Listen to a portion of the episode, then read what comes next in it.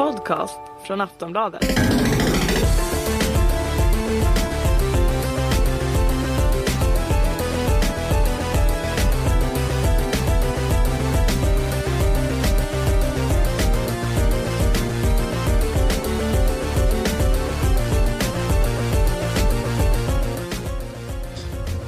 Du lyssnar på Nöjesbladet Spela-podd med mig, Alfred Holmgren. Kerstin Alex. Och Jonas Högberg. Temat för dagens avsnitt är hype. Varför hypar vi? Vad hypar vi? Och vilka är vi egentligen som hypar? Vi kommer att prata om de tokhypade spelen som floppat och varför vi hade lär oss några läxor av de fallen. Dessutom ska vi försöka döda lite hype genom att prata om spelen som vi ser fram emot minst. Kerstin, du är recensent på Aftonbladet Spela. Jajamän. Vad spelar du just nu?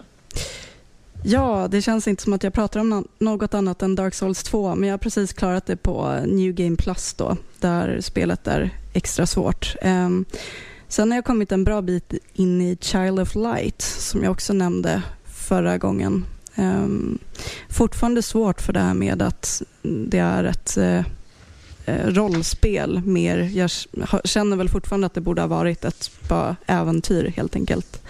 Uh, och Sen spelar jag mobilspelet Hitman Go med så här mysiga diorama-miljöer. Så det är det jag håller på med just nu. Yes. Uh, Jonas Högberg, du är nyhetsskribent, uh, recensent och du bloggar dessutom på trailerbloggen Speltuben. Vad mm. har du haft för dig i spelväg på sistone? Uh, ja, jag har eh, lirat eh, Mario Golf um, och uh, med tanke på vad vi pratade om i förra avsnittet om kön och representation och sånt här så tyckte jag det var väldigt kul att återse Birdo i spelet. Han, eller, ja, förlåt, hen återfinns i omklädningsrummet och där inne finns tre skåp. Ett är blått, ett är rosa och ett är gult. Uh, Birdo står framför det gula och då tänker ju konspirationsteoretikern i mig att det finns något dolt budskap här. Blå, blått skåp för pojkar, rosa skåp för flickor. Men vad står det gula för? Så det här har jag suttit och tänkt på länge, länge, länge. Eh, men ja, och spelet eh, det är ganska kul. Och jag har även lirat eh, knasfighten Jojo's Bizarre Adventure All Star Battle som är baserat på en tokig japansk manga. Um, och det är utvecklat av uh, heltokiga uh, spelutvecklaren CyberConnect 2 som gjort eh, uh, Asuras Wrath i det förflutna. Um, rolig partyfighter, men uh, inte något för lite mera initierade fighting-experter kanske. Precis.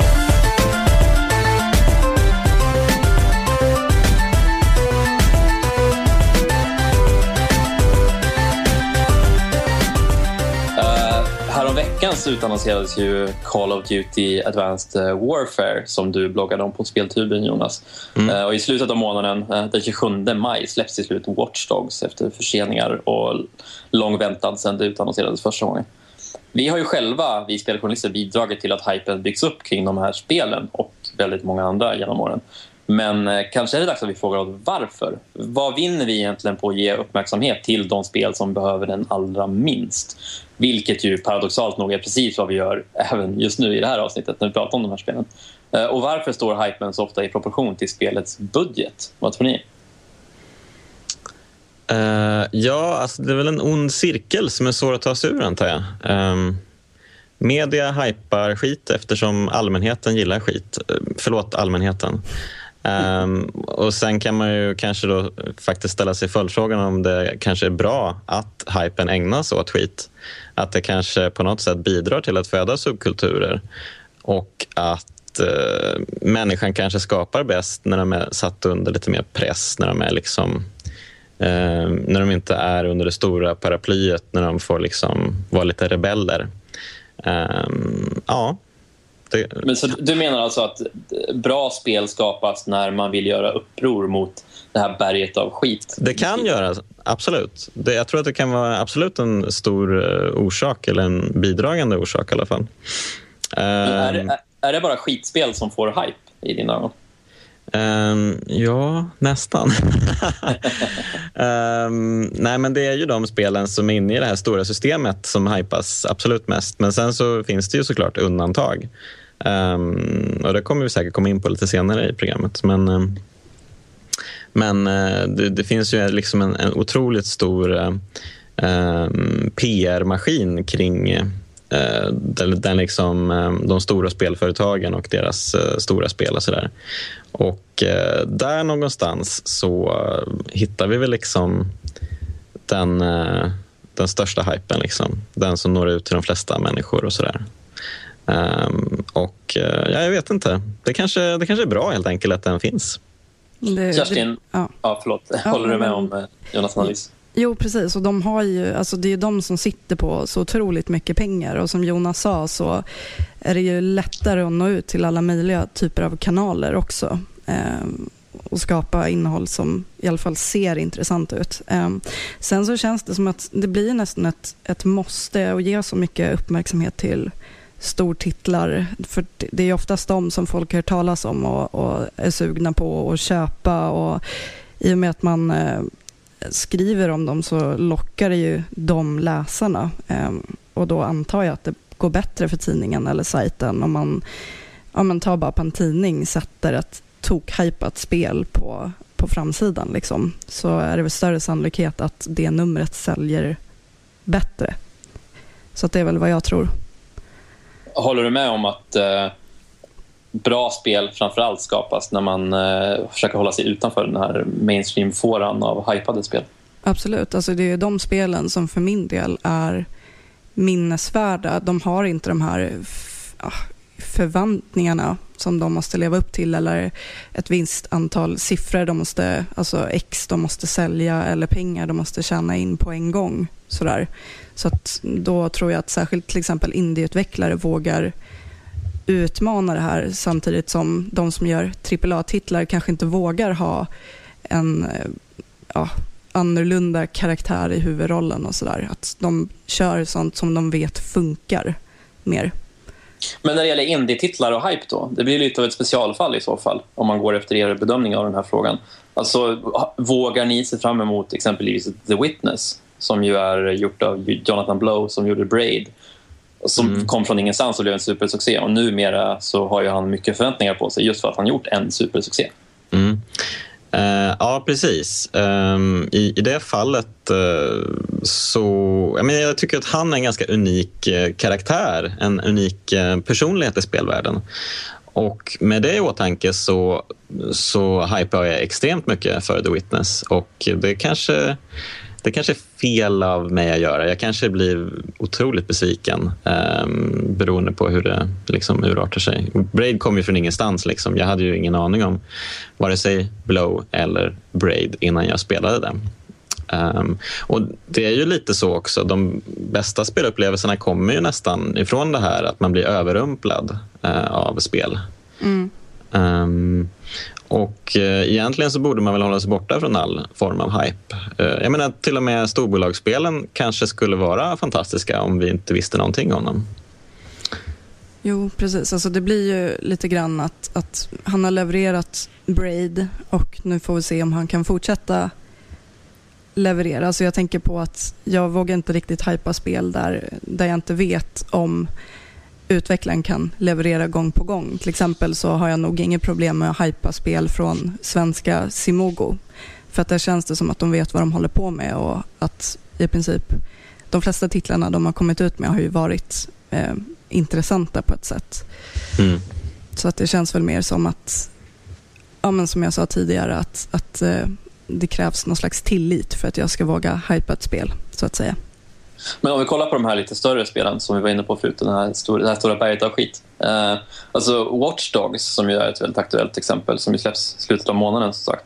Eh, vår kollega Jakob Svärd på Aftonbladet Spela, han sågade ju nyligen det i, en förhands, eh, i ett förhandstest. Han hade spelat tre timmar av spelet och sa att det var liksom ännu ett skjutspel, var hans sammanfattning av det. Mm. Och eh, Vissa läsare då som längtat ganska intensivt efter spelet blev ganska upprörda. Tyckte att han var en idiot, mer eller mindre. Och, eh, men det gäller ju även spel som recenseras som har fått mycket hype. När när Spela gav eh, Call of Duty Ghosts 1 plus så blev ju folk rasande. Så jag undrar, vad tror ni att det beror på? Varför, varför drar sig journalister generellt för att kritisera hypade spel? Och varför blir folk så arga när man ärligt tycker att ett hypat spel är dåligt? Alltså först och främst tycker jag att det är väldigt kul um, att vi har... Som, alltså, hela fenomenet med förhandstitter i, i spelvärlden är väldigt roligt om man skulle jämföra det med film och böcker där uh, själva verket väldigt sällan eller nästan aldrig blir föremål för en glorifierad förtitt på samma sätt. Um, och Det sätter ju ändå en sorts stämpel på spel, att det inte är kultur utan att det är en sorts bruksvara. Och eh, ja, jag vet att eh, på senare tid så har filmer börjat köra med förhandstittare. Att de, liksom, journalister får se tio minuter från en film och sådär. Men det tror jag är ett resultat av eh, den förhandstittskultur eh, eh som finns i spelvärlden. Att det liksom har sköljts av på filmvärlden också. Um, så det har blivit en sorts oskriven regel. Man får inte sabla ner något som inte är färdigt än. Um, och Det är liksom inte ett riktigt verk än, utan den avslutande signaturen liksom på tavlan där så befinner sig uh, alstret i ett kritikabsorberande limbo. Liksom. Och uh, Journalister blir väl de är liksom uh, rädda för, för spelarna. De, de liksom, det finns ju en sorts konsensus som att man inte ska sticka ut i, i, i spelvärlden eller liksom med sina åsikter. Att, man, eh, att eh, Metacritic är ett sorts facit som alla utgår ifrån och att alla måste liksom på något sätt passa in i det här. Och det, så kan man ju se på, på mycket spelmedia. Eh, det skiljer sig väl kanske till viss mån här i Sverige, kanske lite grann.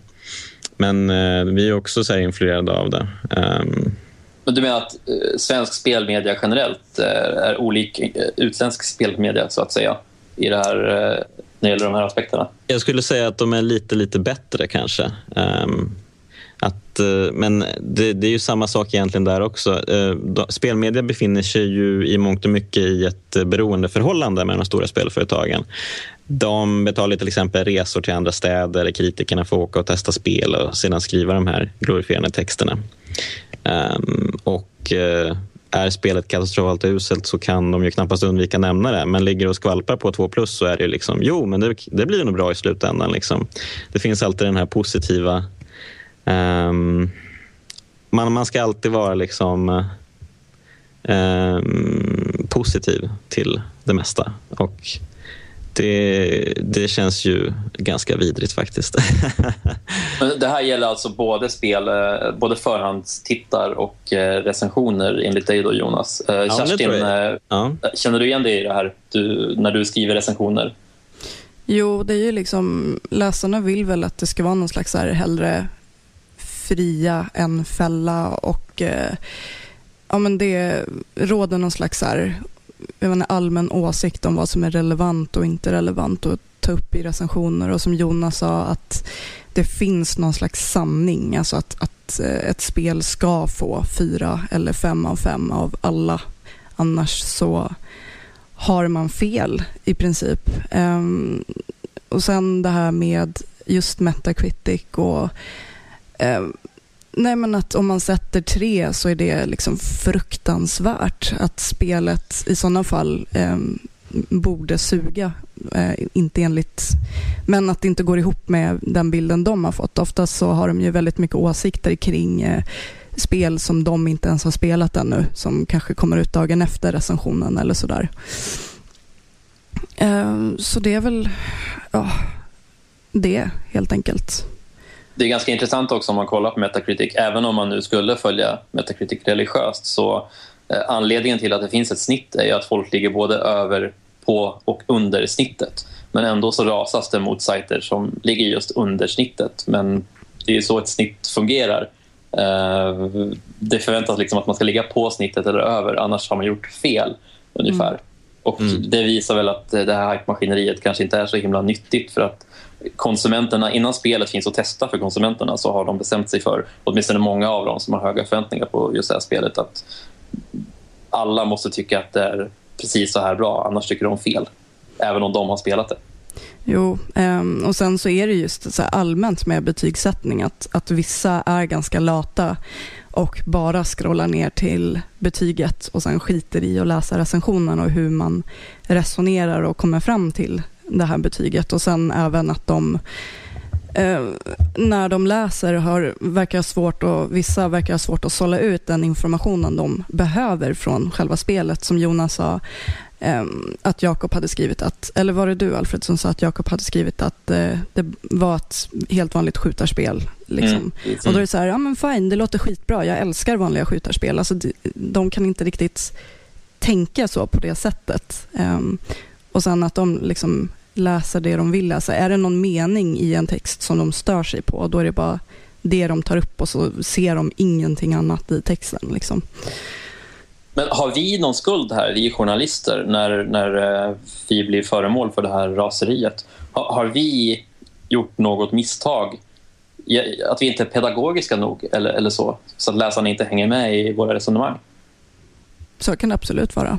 Det, um, är väl en blandning av både och. Det är vissa gånger jag har känt att ah, 17, jag skulle nog ha förklarat det här bättre. Eller, alltså man kan ju aldrig anta att folk kan allt. Det, ibland blir jag förvånad över att folk inte har lärt sig vissa saker. Liksom. Men samtidigt så har vi liksom begränsat utrymme att skriva på. Så att då gäller det ju verkligen att ta upp det som är väldigt bra eller väldigt dåligt. Så att man får inte plats med allt det här i mitten.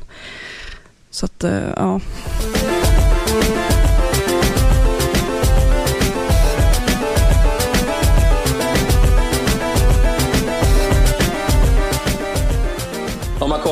På hela hypekulturens baksida, eh, det vill säga att när, när alla mer eller mindre stora spel ska hypas nästan gratis i förväg för att liksom, man ska vara förlåtande, som ni säger, innan det är klart. Och liksom, man ska inte vara kritisk. Eh, det leder ju till att många spel, när de väl är färdiga, alla spel är ju inte bra, så de dåliga spelen då kommer det som en chock för många. Men det här hypade spelet, oj, det blev inte alls så bra som jag hade trott. Eh, vilka exempel kommer ni att tänka på när det gäller spel som fått mycket hype men som absolut inte levt upp till förväntningarna? Uh, ja, uh, om man går tillbaka till det glada 90-talet så minns jag när jag läste i speltidningar att Rise of the Robot skulle bli alltså skiten verkligen. Det skulle bli det bästa fightingspelet någonsin. Uh, grafiken skulle vara helt enorm och uh, ja, spelsystemen och allting perfekt. Uh, ja, det hypades väl kanske främst för just grafiken som väl var otroligt imponerande i många bilder och sånt. men ja, sen när spelet kom så visade det sig vara i princip ospelbart. Um... Ja, jag, jag, lyckades faktiskt spela det ganska mycket. Ja, jag, jag, blev nog, jag blev nog lite av en fanboy ett kort tag intalade jag mig att det faktiskt var så bra som hypen hade sagt. Jag köpte det Mega Drive-versionen och körde det ganska mycket ett sommarlov där. Eh, mm. tidigt 90-tal. Och det var väl mest för grafiken och jag tyckte musiken var rätt cool och sådär. Så inramningen hade de lyckats med men det var ju ett, eh, riktigt bedrövligt spel och det roliga var ju att de dessutom hade skrytit med att det skulle ha så bra AI. att motståndarna skulle lära sig ens fighting-tekniker och sen eh, typ, inte jag, använda det för att stoppa en och lura en och så här. Men i praktiken så behövde man liksom bara hoppa fram och tillbaka, göra hoppsparkar fram och tillbaka på de flesta av motståndarna och då vann man automatiskt. Så att, ja, det blev väl en näsbränna för, eh, eller det borde ha blivit en näsbränna för hela branschen men det blev det kanske inte med tanke på att 20 år senare så beter vi oss exakt likadant exakt. Um, ja, alltså när, när det gäller um hype så får man väl ändå säga att Peter Molinö är hypekungen. Um, han har ju inför varenda nytt spel i princip uh, hypat det själv något helt enormt och uh, menat att han och hans team ska stå för enorma genombrott med speldesign och allt möjligt sånt här. Han sa ju till exempel att man skulle kunna plantera ett ekollon i Fable 2 och få se det växa upp till ett uh, riktigt träd. Och eh, det här har han ju fått be om ursäkt för i efterhand till och med. Han Men ju, det var väl Fable 1? Ja, eller? och sen så lovade han det igen till Fable 2. Aha, ja, okej. Okay. Ah, ja. mm. Fantastiskt. Han lärde inte sin läxa. Återfallsmissbrukare alltså av hype, Peter Molyneux. Han, han har ju fått säga sen att äh, men nu ska jag sluta prata om mina spel mer eller mindre för att liksom, det blir bara fel varje gång jag blir upphetsad och går ut och lovar en massa saker. Mm. Så han är liksom bekant med sitt eh, missbruk i någon mån. Eh, vad säger du Kerstin? Du, du gillar ju Fable väldigt mycket. Har du några gamla favoritexempel på hur Molinös spel har hypats? Alltså, det är väl i princip allt. Grejen är den att eh, jag lärde mig en eh, rejäl läxa redan vid första spelet. Så sedan dess, då är det så här, så fort hans namn dyker upp i en artikel, då bara nej, stänger ner, slänger tidningen, typ. Eh, så att eh, inga trailers, ingenting, inga nyheter, ingen förtittar. Och ingenting av det han säger liksom, vill jag läsa eller höra. Eh, och På så sätt så har jag nog därför kunnat uppskatta Fable-serien för att jag inte haft några förväntningar eller vetat av någon slags hype eller vad han har sagt. Liksom. Men däremot är det ju roligt att liksom, i efterhand gå och läsa igenom hur han vad han har sagt om spelen och vad som inte infriades. Och bara allmänt så verkar han vara en väldigt skum snubbe. Alltså det var ju under eh, Game Developers Conference 2009 så fick han en fråga om eh, Fables, om en urvattnade sexuella undertoner. Och han eh, skyllde det på amerikanerna eh, och sa typ att det är något med bröstvårtor som ni hatar. Eh, om det här hade varit Tyskland skulle vi alla ha stojat omkring nakna på scenen. Liksom. Så att, det, det är sånt som är kul alltså, att gå tillbaka till när, det, när spelet har släppts för länge sedan. Liksom. Precis, man får njuta av hans eh, galna hypande i efterhand, men inte före spelet kommer, för då blir man bara besviken sen. Precis. Mm. jag, jag, kommer att tänka på, uh, det här har vi nämnt förut, men Star Wars uh, Force Unleashed som ju blev, jag tror det blev det dittills mest sålda Star Wars-spelet någonsin med sju miljoner sålda exemplar. Så det var inte en kommersiell flopp så. Uh, och det var otroligt hypat för att liksom, man fick spela som Darth Vader, en liten kort bit i alla fall. Och sen fick man spela som hans dittills okända lärling, den här Starkiller. Så det var liksom ett nytt kapitel i Star Wars-sagan som folk faktiskt brydde sig om. Uh, och till och med George Lucas var jättepepp på idén och var så här, ja men gå och gör det här spelet. Liksom så här, sa han bestämt till utvecklingsteamet när han hade fått sett deras koncept. Uh, jag tyckte ju att det var... Ja, kanske tycker sju miljoner spelare där ute att jag har fel nu om inte de blev lika besvikna. Jag tycker att det var en riktigt, riktigt urvattnad God of War-kopia. Och eh, uppföljaren, eh, ungefär samma grej. Alltså, liksom, det var riktigt taskigt stridsystem. Det var rätt fult, förutom mellansekvenserna. Storyn var ju snabbt överstökad mellan uppdragen. Och Sen var det bara så här otroligt formelbundet. Springer längs linjära banor och gör liksom, förprogrammerade kombos om och om, och om igen i tio timmar, eller hur länge nu spelet räckte. Och sen den här ökända Star Destroyer-sekvensen när man skulle rycka ett skepp ur skyn. Och ja, det var super konstigt designad sekvens som gjorde att man slet sitt hår mer eller mindre. Men det är kanske är ett spel som någon av er, ni kanske har hört de här sju miljoner som köpte det och älskade det? Uh, mm. Ja, jag tyckte väl att det var okej okay när jag spelade men uh, inte så mycket mer kanske. Um, ja, men uh, Star Wars-spelen rent generellt är väl inget att hänga i brasan direkt. Um, Eh, men eh, när det gäller hype så tänker jag lite grann på Daikatana också. Ja, det är väl nästan det mest klassiska exemplet. Känns Ja, eller hur? Eh, man tänker ju direkt på den här postern som Ion Storm skapade och spred. Där det stod att John Romero's about to make you his bitch. Suck it down eller något liknande. Det var ju tydligen hans motto när han spelade. Alltså John Romero som var med och skapade Doom. Han ja. gillade att säga suck it down bitch när han körde dödsmatcher i Doom och Quake. Så sen tog han med sig det till Daikatana-utvecklingen. Ja, ja men eh, det var verkligen helt otroligt. Eh, man har, har ju läst den här eh, tittar på spelet, förhandstittar och sånt.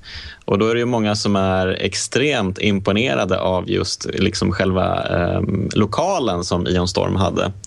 Mm, det, eh, det, här var ju verkligen under samma period som det här med dotcom och alla var liksom helt eh, galna i att eh, spendera och liksom visa sig rika och sådär. Eh, jo, de har blivit eh, uppköpta och Eh, då hade de fått eh, hyra eh, alltså takvåningen på Chase Towers som är Dallas Empire State Building, typ. Och den hade liksom, ja, värsta häftiga stället.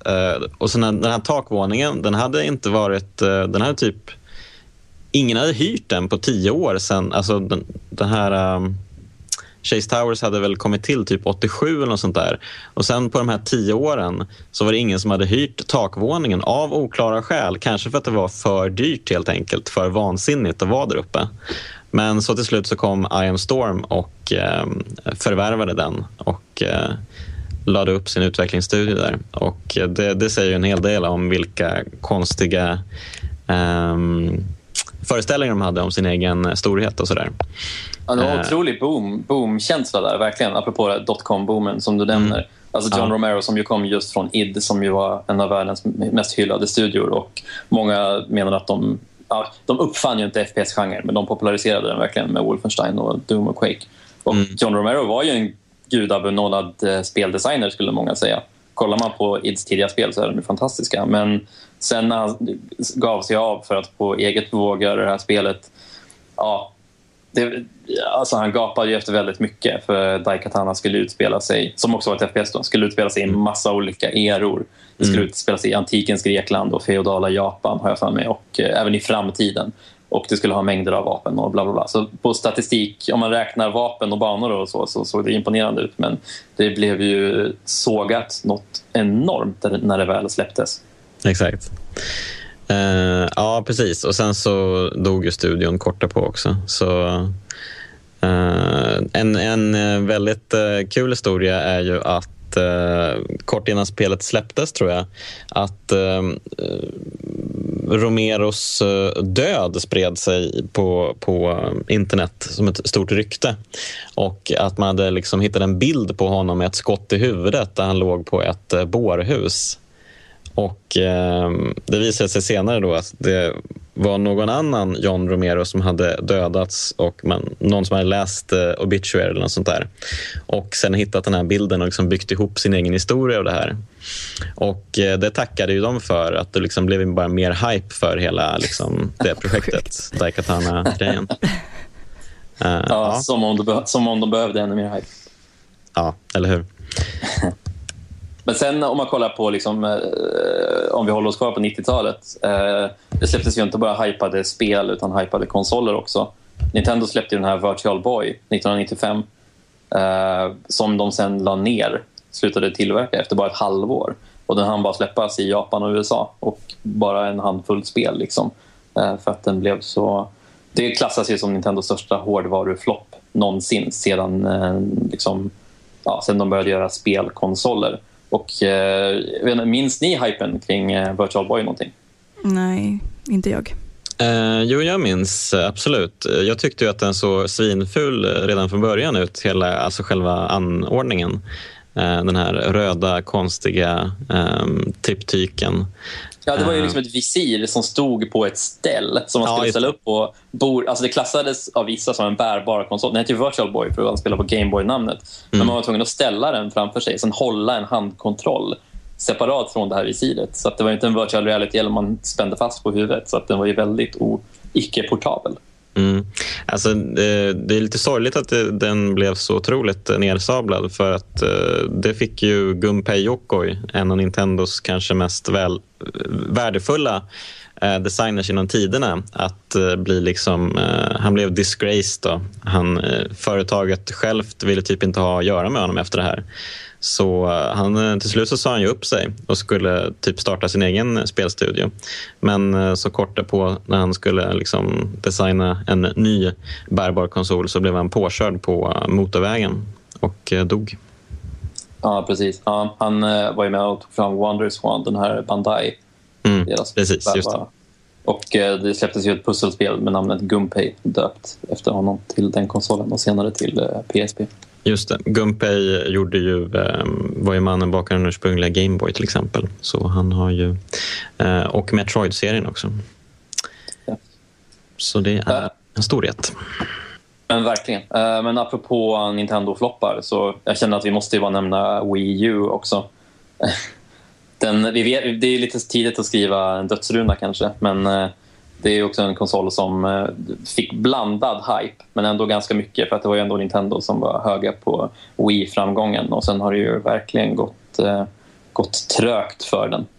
Men som sagt, vi får nog tillfälle att återvända till den och resten av konsolkriget när när vi har lite eh, facit i hand. Men vi, alltså om vi kollar på svenska spel så har ju även Battlefield 4 blivit föremål för en hel del kritik, eller hur Jonas?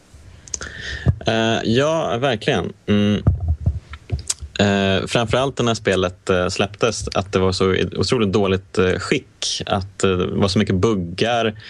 Um, själva nätkoden var extremt skakig, funkade väl knappt. Um, och alltså, de fick ju enorm kritik för det här och har liksom successivt släppt patchar som gör spelet lite, lite bättre.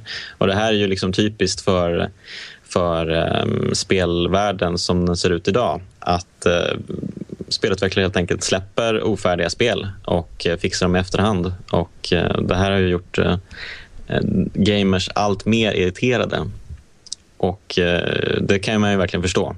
Det är ju faktiskt på något sätt jag menar liksom, I vilken annan företagsbransch skulle det vara okej okay att släppa en ofärdig produkt? Liksom? Det är jättekonstigt. Ja, exakt. Släppa en bok som inte är färdigskriven. Sen bara, ja, men vi skickar sista kapitlet, vi skickar de sidorna på posten sen. Liksom. Mm. och just Battlefield, alltså det, var ju så, det var ju så otroligt hypat för att det var så många som gillade de tidigare spelen. Så att BF4 var ju liksom, nu ska EA äntligen ta klivet upp till eh, Call of Duty-nivåer av försäljning. Eller komma ännu närmare än de gjorde med BF3 åtminstone, realistiskt sett. Mm. Och så sålde det extremt bra. Men så visade det sig att det var eh, kanske lite framstressat. Så det är lätt att förstå spelarnas frustration. Där var det ju verkligen spelarna snarare än journalisterna som blev besvikna. För det fick ju ändå helt okej okay kritik innan det visade sig att jaha, det gick inte att spela för alla. Mm, exakt.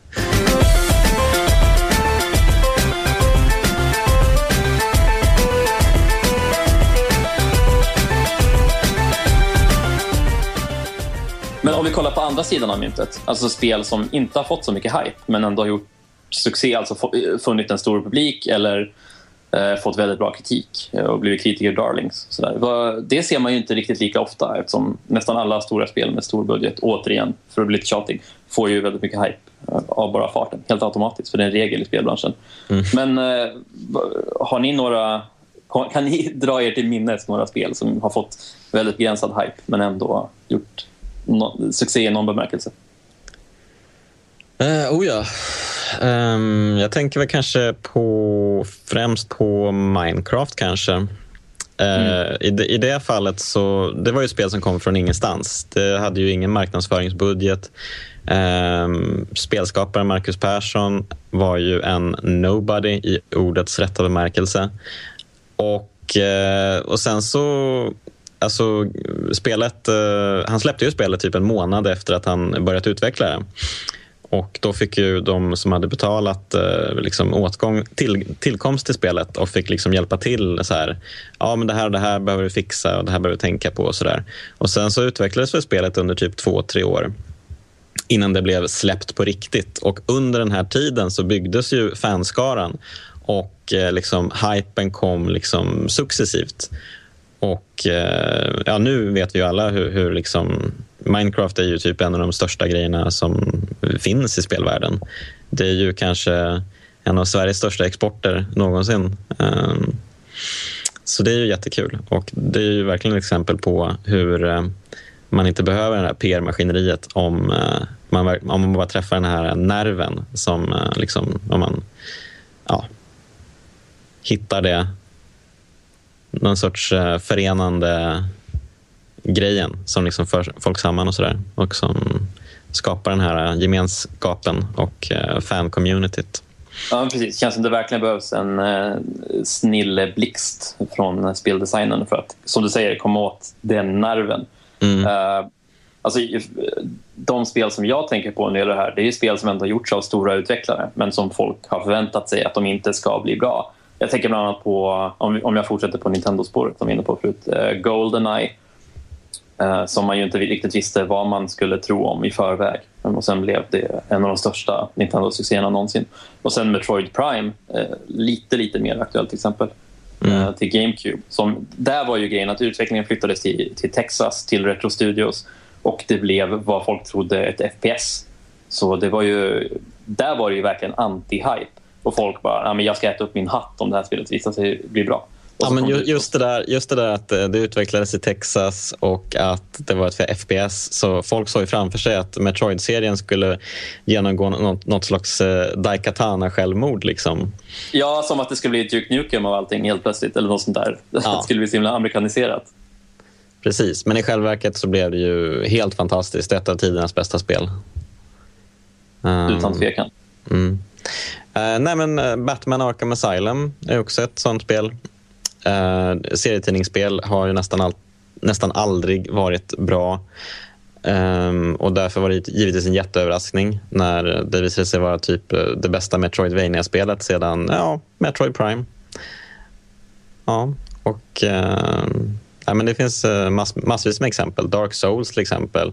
Eller Demon Souls kanske snarare. Det kom ju från mm. ingenstans. Och, uh, det blev ju liksom, ja, Dark Souls, eh, det var först då som den stora allmänheten liksom hoppade på tåget och sådär. De hade börjat eh, liksom höra rykten om spelet. Och, och nu Dark Souls 2 toppar ju Sverigelistan um, för det mest sålda spelet. Liksom. Det är ju en... Uh, det har ju gått jättesnabbt. Alltså där måste jag bikta mig lite. Ni får, inte, ni får inte springa iväg från inspelningen nu när jag känner det här. Men Demon mm. Souls, jag körde det lite grann på tror jag var Tokyo Game Show innan det släpptes och jag tyckte inte det var, kändes bra alls. Jag har för mig att jag skrev något ganska negativt om det. Så att eh, jag var ju en av de eh, otrogna som inte gav det den kärlek det förtjänade. Mm. Och sen insåg jag förstås hur fel jag hade, hade haft. Inte minst tack vare allt eh, ert tjat om hur briljant Dark Souls 2 är. Så ni har lyckats omvända mig. Nej, men, eh, sen har vi även, alltså det finns ju några stora serier som har fått sin start i uppförsbacke. Om man tänker på Halo till exempel, som var hypat länge men som gick igenom väldigt turbulent utveckling. Alltså det skulle komma till Mac först och ett tag var det ett eh, strategispel. Alltså Bungie gjorde Macintosh-spel ganska länge. Myth och eh, Marathon och sådär. Um, och sen när det väl blev ett Xbox-spel eh, exklusivt för Xbox så blev folk så här, oj, oj, oj, jättetveksamma och nu var det ett FPS också, oj, oj, oj, vad skriver vi av det här? Jag kommer ihåg att jag läste en förtitt i en svensk speltidning innan det kom och de bara, det var några månader innan det skulle släppas typ. Och de bara, ja, men kontrollen känns inte så bra. Vi får se, får de fason på kontrollen så kanske det kan bli något av det här. Och så kom det ut och liksom, liksom blev fanbärare till hela Xbox-satsningen och är liksom nu en av världens viktigaste spelserier. Och även i samma veva, där 2001, 2001 släpptes ju GTA 3. Som också var lite så här, GTA var ju ändå lite mer nischat får man ju säga innan GTA 3 kom. Och sen ja, men så uppfann de en helt ny genre mer eller mindre, sandlådespelen. Eller åtminstone populariserade den. Det fanns säkert andra prototyper innan. Men, eh...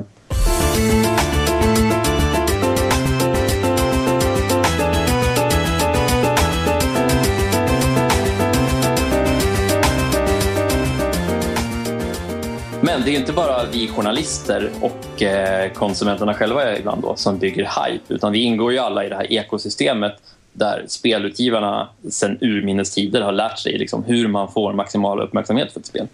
Eh, skillnaden är ju att mycket av spelföretagens hypebyggande äger rum bakom kulisserna, alltså inte inför konsumenternas ögon. Så liksom, vilka är de grepp spelföretagen tar till utan att eh, spelarna själva är medvetna om det för att bygga hype? Eh, ja, alltså, som jag sa tidigare så använder ju spelföretag väldigt ofta sig av eh, bjudresor. Alltså att de flyger ut journalister till ett eh, kul ställe där de får liksom latcha runt, spela lite spel och sen gå ut på krogen tillsammans med spelutvecklare. Ehm, och allting är betalt av spelföretaget. Så ehm, um, de liksom går i deras eh, klor kan man säga. Um, under mina år som speljournalist så har jag bland annat åkt till Barcelona, London och Paris uh, för att titta på spel. Då. Uh, trots att själva spelstudion som gjort spelet inte finns där. Utan jag har liksom fått vara på ett hotell och spela spelet. Och så har liksom spelföretaget uh, eh, nudgat mig och sagt ja men det här är jättebra, eller hur? Åh, vad är det här härligt. Mm. Eh, det här ser vi fram emot förtiteln. Liksom.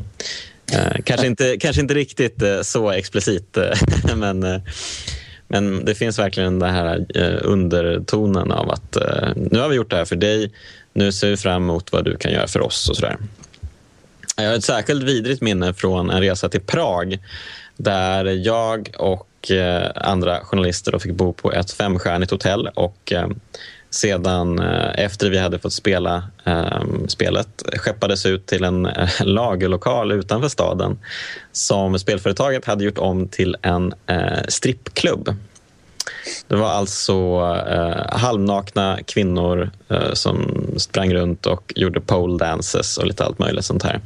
Och eh, när vi kom till den här eh, strippklubben så fick vi pengar. Eh, det var alltså fiktiva pengar från eh, själva liksom, som pengarna ser ut i spelet. Och så skulle vi alltså använda de här pengarna för att köpa drinkar inne på strippklubben och för att eh, stoppa ner pengarna innanför trosorna på tjejerna. Liksom. Uh, och det här, var, det, här är liksom, det här är antagligen det äckligaste jag har varit med om. Uh, jag vill ju bara därifrån, men uh, man var liksom ändå fast i deras grepp. Man var liksom långt ute i ödemarken utanför Prag. Man visste inte riktigt vart, vad som var vad. och, ja, men det var, jag känner mig verkligen utsatt på ett sätt jag aldrig gjort tidigare. Um, jättekonstigt. Det, ja, alltså det hemska är att det här är ju inte den vidrigaste historien jag har hört om vad spelföretagen erbjuder journalister. Eh, här, ja, vad ska man kalla det? Research-syfte inför en preview eller vad man ja. skönmålar det som. Mm. Alltså det har ju även förekommit att spelföretag betalar för prostituerade åt journalister. Och det är ju verkligen frågan liksom, vilket sorts spel som kräver den nivån av research. Det vill jag inte ens veta vad det är för spel i så fall tror jag. Men eh, apropå Watchdogs som ju blir en liten röd tråd här nu eh, eftersom det är så otroligt hypat. Det var ju en liten skandal när Ubisoft nyligen delade ut surfplattor till journalister som gåvor eh, i samband med ett Watchdogs event i Paris. Och sen gick de till och med ut, alltså Ubisoft twittrade på sitt officiella konto att nej men vi ber om ursäkt, det här var inte i linje med vår PR.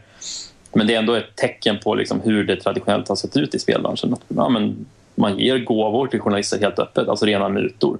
Här, få den här svindyra teknikprylen och ja, så säger, som du sa Jonas, man säger inte rakt ut skriv något bra men det är ändå så här nu har vi tagit hand om dig här. Så att mm.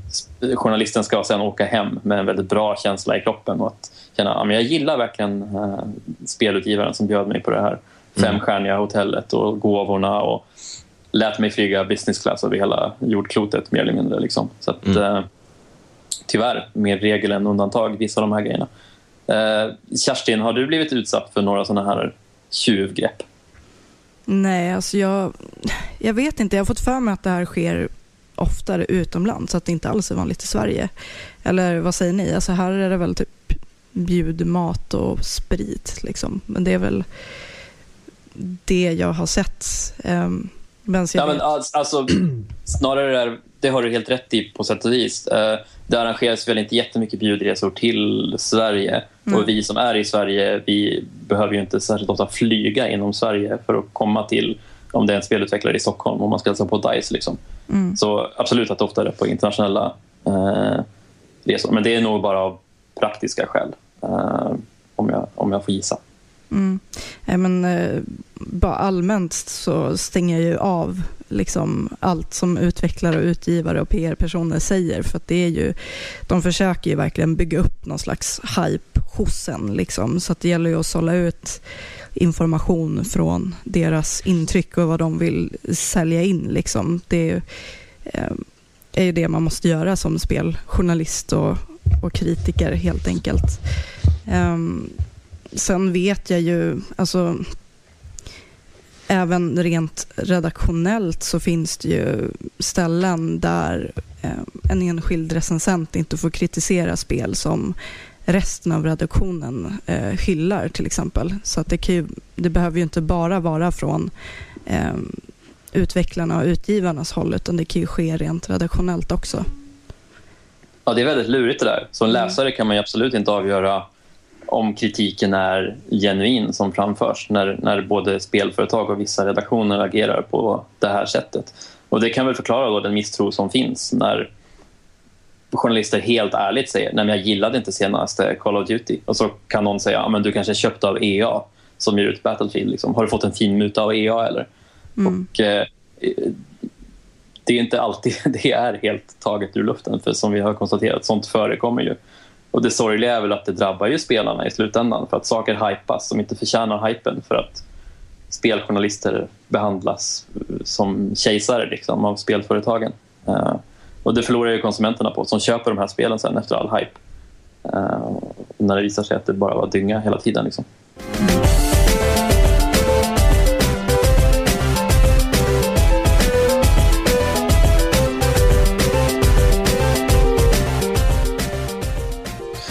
Om vi ska slå ett slag, eh, om vi ska försöka ta oss igenom den här hype-djungeln och om vi säger så här, vilka, vilka spels hype vill ni döda? Vilka hypade spel ser ni inte fram emot just nu? Vilka skulle ni liksom vilja varna för istället för att fortsätta hypa ännu mer? Ja, eh, jag är så himla trött på all hype kring vartenda jävla Assassin's Creed-spel. Det är så här, vissa nyheter och sådär, alltså folk låter chockade för att det kommer ut ett nytt och det ska vara så himla mycket uppdateringar om det. Liksom. Um, och det, är så här, det kommer ett nytt Assassin's Creed-spel varje år och de är inte så jävla fantastiska. Liksom. Um, oh, så att jag är så himla trött på um, bevakningen av den serien helt enkelt. Jonas, Jonas, vill du leverera ett mothugg här, du som gav Assassin's Creed 4 5 plus? Uh, ja, jag gav det ju 5 plus, men det var ju faktiskt främst för uh, de icke Assassin's Creed-aktiga grejerna i spelet. Det här att man faktiskt kunde åka... Den här sjörövarsimulatorn fick eh, 5 plus av mig. Uh, sen tyckte jag väl att det var ganska bra det andra också. Men jag håller verkligen med om att uh, de har mjölkat den här spelserien extremt mycket. Trean tyckte jag ju var ganska tråkig på det stora hela. Um, och uh, det senaste spelet som kändes liksom verkligen relevant ehm, förutom sidospåret 4 som jag tycker är ett sidospår. det är väl Assassin's Creed Brotherhood som utspelade sig i Rom Um, det kändes ju... Det var ju jättebra. Men sen, ja, efter det, så har, ju liksom, så har man ju verkligen märkt att de inte har så mycket mer att att eh, ge egentligen. Men det, är, alltså det är ju inte så konstigt att... Alltså kan det bli något annat än, än buggigt och, och bara jag vet inte, framhafsat med tanke på att det är ju ett spel per år, verkligen. Alltså det känns som att eh, de åtminstone borde lägga ner dubbelt så lång tid på ett Assassin's Creed-spel och göra det bra. Nu känns de ju verkligen bara jättetrasiga när man spelar dem. Men är det inte så att de har kört med roterande team? Alltså att ett team får jobba med ett spel längre. Det är väl inte ett års utvecklingsperiod nej. per spel? Nej, nej, det förstår jag. Men ändå att de liksom trycker på. Jag vet inte, usch. Mm. Ja, ja, absolut. Man kan ju ändå säga hur lång tid de än får på sig. Är det spelet buggigt så borde de ha haft längre tid. Precis. Så då mm. kan man ändå sammanfatta det. Mm. Eh, Jonas, eh, om du får välja något spel som du känner att du inte vill se någon hype kring?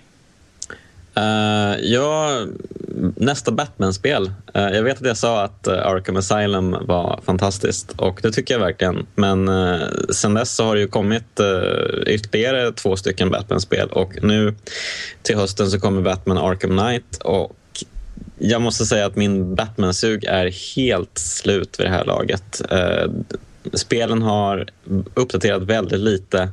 Um, det, det, känns som samma skåpmat för det här laget och så är det ju med väldigt, väldigt många spelserier, absolut. Men det är lite synd att uh, det har gått ut för, så för Batman. Jag älskar ju uh, Batman, men uh, just nu så ser jag verkligen inte fram emot Arkham Knight. Är det inte lite symboliskt också att som du sa, det kom från ingenstans? Och det var just därför man blev så himla imponerad av det. Sen var det ett fantastiskt mm. spel, alltså Arkham ja. Asylum. Men det var också överraskningsmomentet. Och nu när samma formel har upprepats så många gånger uh, och kommer på nytt så blir man ju mer misstänksam mot varje upprepning. Ja, men så är det absolut. Det har liksom blivit en stor AAA-serie i mängden, precis som Assassin's Creed. Mm. Jag skulle även, innan vi, innan vi slutar, vill jag även passa på att snacka skit om några spel här. Uh, jag är väldigt skeptisk mot uh, Destiny som ju är hypat. Det är inte lika hypat som uh, många andra stora spel men det är definitivt många som ser fram emot det. Och Activision hoppas ju att det ska bli liksom, det bäst säljande debutspelet i en serie någonsin. Och det är en franchise som ska sträcka sig över tio år och det ska vara en beständig spelvärld och bla bla bla. Men jag, jag misstror Bungie ganska hårt efter att de eh, misskötte Halo-serien förut när de, eh, när de jobbade med Microsoft. Jag tyckte första Halo var suveränt och sen har det gått ut för mer eller mindre. Förutom på multiplayer-fronten där de alltid har varit roliga. Men det känns som dödsmatcher är en helt annan grej än att bygga en stor beständig multiplayer-värld. Och ärligt talat så är jag själv inte jättesugen på liksom, de här multiplayer-aspekterna. Det kan vara otroligt kul i vissa shooters. Jag tyckte Borderlands gjorde det jättebra till exempel. Men mm. eh, jag har sett väldigt mycket av Destiny och jag har liksom pratat med Bungie om det och jag har befunnit mig i de här situationerna när de försöker ge mig ett så gott intryck som möjligt av både sig själva och spelet. Och jag är ändå inte övertygad och det tar jag som ett eh, väldigt negativt tecken eftersom jag gillar Halo så mycket. Och sen även eh, eh Drive Club som ju har fått ett utannonserat releasedatum alldeles nyss, 8 oktober och skulle släppas eh, som ett release-spel till Playstation 4 egentligen. Nu får vi se om de har fått fason på det. Eh, Evolution Studios som ju även gjorde Motorstorm som jag tyckte var superbra. Det, kom, det var ett release-spel till Playstation 3 och kom verkligen från ingenstans. Och jag tyckte det var asbra. Men eh, Drive Club, jag körde det på E3-mässan eh, i fjol, förra sommaren och jag tyckte det såg ganska anskrämligt ut och var inte alls lika roligt som Ubisofts uh, The Crew till exempel om man ska jämföra två bilspel med sociala aspekter. Ja. Ja, precis. Å andra sidan så sågade ju Demon Souls efter att ha kollat på det på en förhandstitt så jag är inte helt säker på dina prioriteringar här. Exakt. Lyssna inte på mig. Nej. Okej, ja, men det känns väl som en bra kontenta av eh, vad vi har kommit fram till i det här avsnittet. Eh, låt oss gå ut eh, on that note helt enkelt. Du har lyssnat på Nöjesbladets spelarpodd med mig, Alfred Holmgren, Kerstin Alex och Jonas Högberg. Ansvarig utgivare är Jan Helin och redaktör är Henrik Ståhl. Link, come to town, come to save